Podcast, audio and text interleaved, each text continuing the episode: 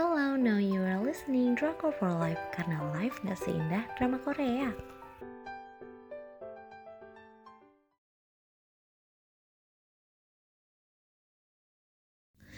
Review drama Korea Pachinko antara membuka aib Jepang atau distorsi sejarah.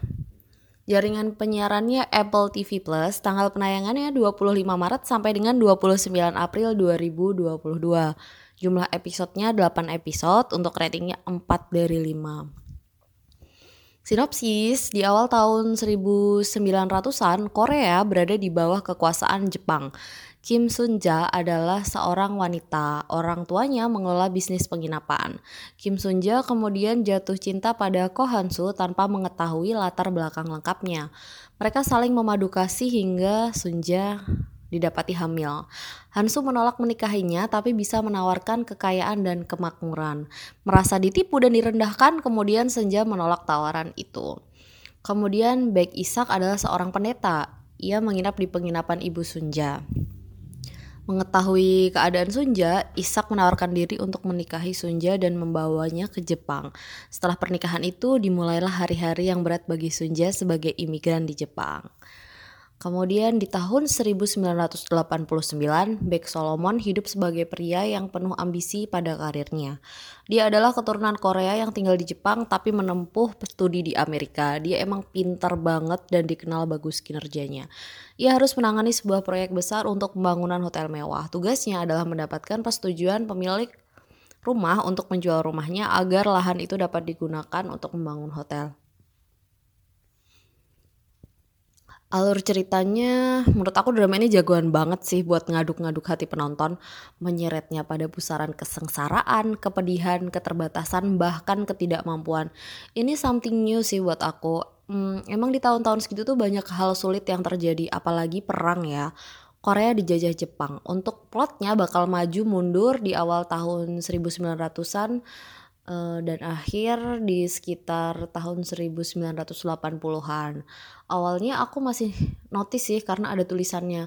Tapi lama-lama scenes-nya tuh loncat-loncat sendiri dan penonton harus peka kapan ini setting tahun 1900-an awal, kapan ini uh, setting waktu yang tahun 1980-an gitu.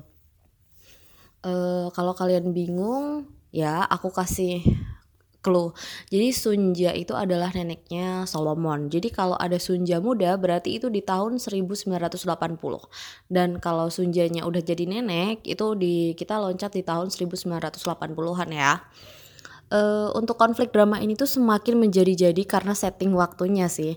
Kan emang Korea pada waktu itu tuh masih di bawah kekuasaannya Jepang. Jadi Korea itu direndahkan dan dilakukan semena-mena. Uh, nggak usah lah ya dengan drama ini kita sok sokan cari sejarah Jepang ngejajah Korea. Kita berkaca pada sejarah kita sendiri lah. Tahu sendiri kelakuan Jepang di sini juga mulai dari kerja paksa tanam paksa dan ceritanya juga pada sadis-sadis. Hmm, yang seru tuh lewat drama ini tuh tekadnya Korea yang disampaikan dari karakter-karakter drama ini. Kayak awas aja ya lu Jepang. One, uh, one day Korea bakal nyaingin kamu Terus 10 tahun yang lalu bolehlah Jepang punya julukan macan Asia. And now kayaknya udah kalah populer deh sama Korea. Uh, aku nemuin artikel bagus tentang riset apakah Jepang lebih unggul eh maaf apakah Korea lebih unggul dari Jepang gitu. Aku nemuin artikel ini ada orang yang riset tentang tentang ini itu seru banget buat kalian yang pengen dapat artikelnya kalian bisa kom komen atau uh, DM di Instagram kita @drakor for life underscore live-nya pakai Y. Selanjutnya aku bakal bahas penokohannya. Jadi yang pertama ada Baek Solomon, dia adalah cucunya Sunja dari anaknya yang kedua Mozasu. Uh, dia punya ambisi tinggi tentang karirnya. Dia adalah keturunan Korea yang tinggal di Jepang. Dia punya crush dengan hubungan yang lucu. Jadi ayahnya si Mozasu itu punya pacar. Pacarnya punya cewek eh, apa pacarnya punya anak cewek namanya Hana. Nah si Solomon ini naksir sama anak pacar ayahnya. Complicated banget gak sih? naksir banget sampai rela ngelakuin apa pun saking lucunya. Ya mereka deket orang tua mereka juga deket gitu. Ya udah pacaran pacaran aja gitu. Padahal sebenarnya kalau orang tua mereka nikah mereka tuh bakal jadi adik kakak gitu. Kan kocak ya? Tapi si Hana ini adalah bad girl. Banget bahkan dia kelakuannya kabur dari rumah bertahun-tahun bahkan uh, waktu itu dari dari dia masih sekolah dia kabur sampai gede bahkan nggak nggak ada yang tahu dan orang tuanya ibunya tuh mengusahakan untuk menemukan dia dengan berbagai cara bayar orang gitu sedih banget. Terus selanjutnya ada Kim Sunja adalah anak yang pintar sejak kecil. Dia sangat ingin bersekolah tapi pada masa itu wanita nggak sekolah.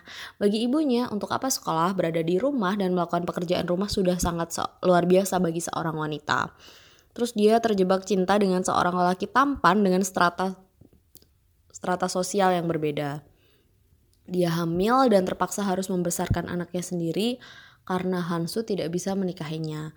Di tengah keterbatasan, Sunja diajak menikah oleh seorang pendeta, Baek Isak. Dan akhirnya dia pindah ke Jepang. Ko Hansu adalah seorang pedagang. Uh, ia sebenarnya hidup di Jepang, tapi berapa kali ke Korea untuk berdagang.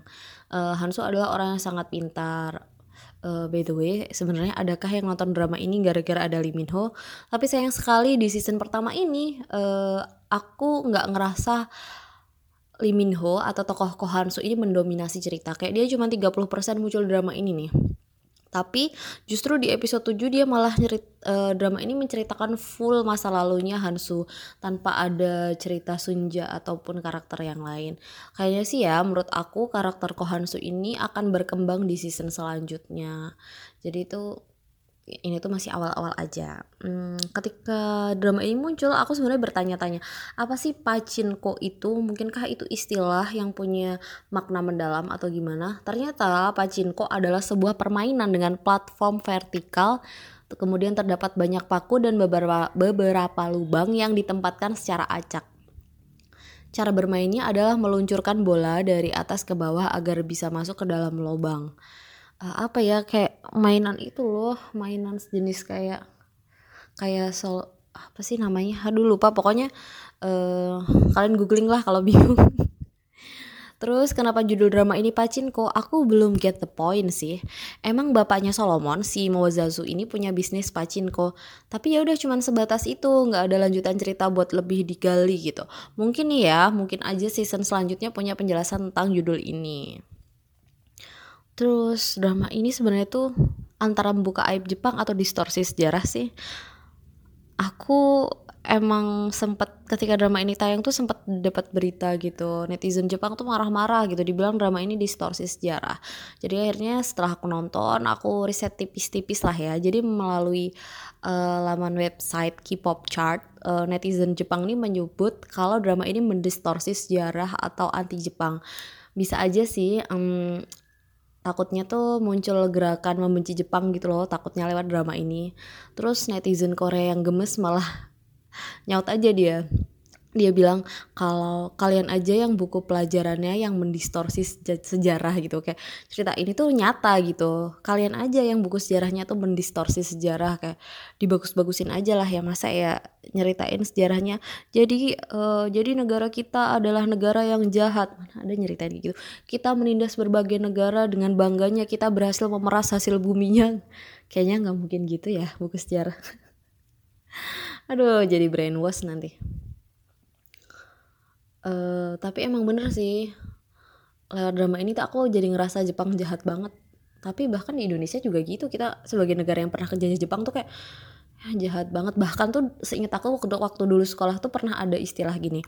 Uh, lebih lebih baik dijajah Belanda selama 350 tahun daripada dijajah Jepang cuman tiga setengah tahun tuh lebih lebih sakit tiga setengah tahun itu katanya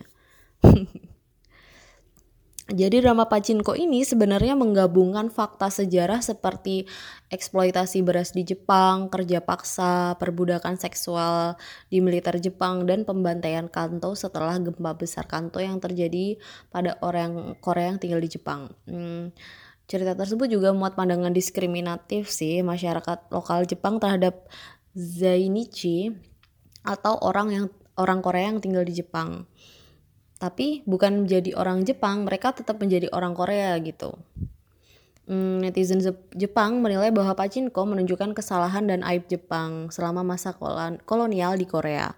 Namun untuk mencegah kontroversi tentang distorsi sejarah, sebenarnya kru produksi Pachinko telah berkonsultasi dengan puluhan sejarawan dan ahli gempa bumi The Great Kanto dan pembantaian kanto lainnya gitu. Sebenarnya menurut aku terlepas dari itu distorsi sejarah atau enggak, uh, tapi aku tuh juga pernah nonton film Korea tentang penjajah Jepang di Korea yang itu lebih ke waktu itu tentang ini sih perbudakan seksual anak di bawah umur sih judulnya Spirits Homecoming jadi rasanya nonton itu tuh nyesek banget juga terlepas dari ini distorsi sejarah atau enggak aku percaya perilaku penjajahan Jepang di Korea itu sebenarnya menyiksa menyisakan banyak luka bagi warga Korea gitu. Jadi kadang untuk orang yang sedih, orang yang tertindas tuh ngerasain sesuatu tuh jadi lebih menyakitkan. Kayak gitu. Terus drama ini berakhir dengan 8 episode ya. Rasanya menurut aku tuh 8 episode ini tuh masih kayak pembukaan. Kayak belum dapat intinya apa sih pacinko itu tuh belum gitu ceritanya masih bener-bener awal bagi Sunja, Hansu, dan Solomon. Jadi ya drama ini berakhir dengan banyak pertanyaan menggantung kayak bagaimana kisah Bek Isak selanjutnya, apa yang terjadi dengan Noah, kenapa dia meninggal karena di masa uh, di tahun 1980 Noah nggak ada, Noah tuh anaknya si ini si Sunja sama Hansu. Terus bagaimana Sunja bisa hidup tanpa Isak, Uh, terus ada adegan Hansu sempat menemui anaknya si Noah. Apa yang terjadi dengan mereka? Adakah hubungan dengan meninggalnya Noah? Apa Hansu balik lagi mengejar Sunja setelah tahu Isak ditangkap? Ya jadi spoiler. Bahkan ya, Pachinko yang dipakai judul juga belum dapat peran sama sekali gitu di cerita ini. Masih banyak banget pertanyaan yang belum terjawab um, baru aja selesai nonton drama ini sebenarnya pihak Apple TV merilis pernyataan untuk season kedua. Tapi untuk kapan syuting atau tanggal rilisnya belum ada pengumuman lagi. Aku sempat baca komen di salah satu platform drama Asia sih. Uh, ceritanya tuh bakal ada yang bilang kalau bakal sampai 4 season drama ini. Ya terlepas dari berapa banyak seasonnya sebenarnya yang harapan aku tuh kita dapat cerita yang lebih nice aja sih. Terus selanjutnya aku bakal bahas tentang gempa Great Kanto. Uh, jadi dibahas di episode 7, ternyata memang bagian dari sejarah secara nyata. Gempa bumi ini terjadi pada tanggal 1 September 1923 pukul 11.58. Terjadi tiga kali selama 5 menit dengan kekuatan 7,8, 7,3, dan 7,2 skala Richter. Serem banget gak sih? Kenceng semua itu mah. Korban yang meninggal diperkirakan lebih dari seri eh maaf maaf 140 ribu jiwa terus ribuan rumah terguncang terbakar akibat gempa bumi kemudian angin kencang kebakaran dengan cepat meluas dan baru bisa dipadamkan dua hari setelah kejadian gempa. Gempa tersebut juga menyebabkan tsunami setinggi 12 meter di Teluk Sagami. Pasca gempa, tahanan Korea di Jepang melarikan diri karena bangunan tahanan rusak dan terbuka.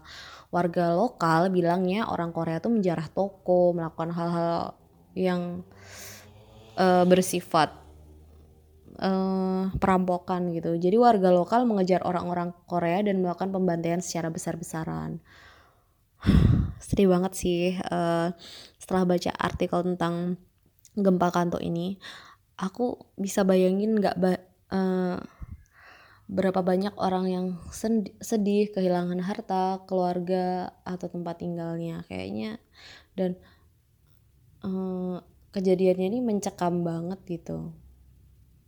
Karena ya gimana ya bayangin aja udah gempa bumi ada tsunami meskipun kayaknya tsunami yang nggak menjangkau wilayah yang luas tapi hmm, kebakaran yang ditimbulkan terus angin kencang yang mempercepat kebakaran itu bener-bener mencekam kayaknya terus banyak orang lari-lari mau ngebunuh orang Korea bener-bener nakutin sih pada waktu itu apalagi di zaman dulu yang komunikasinya kurang. Drama ini menggunakan tiga bahasa sekaligus, Korea, Inggris, dan Jepang.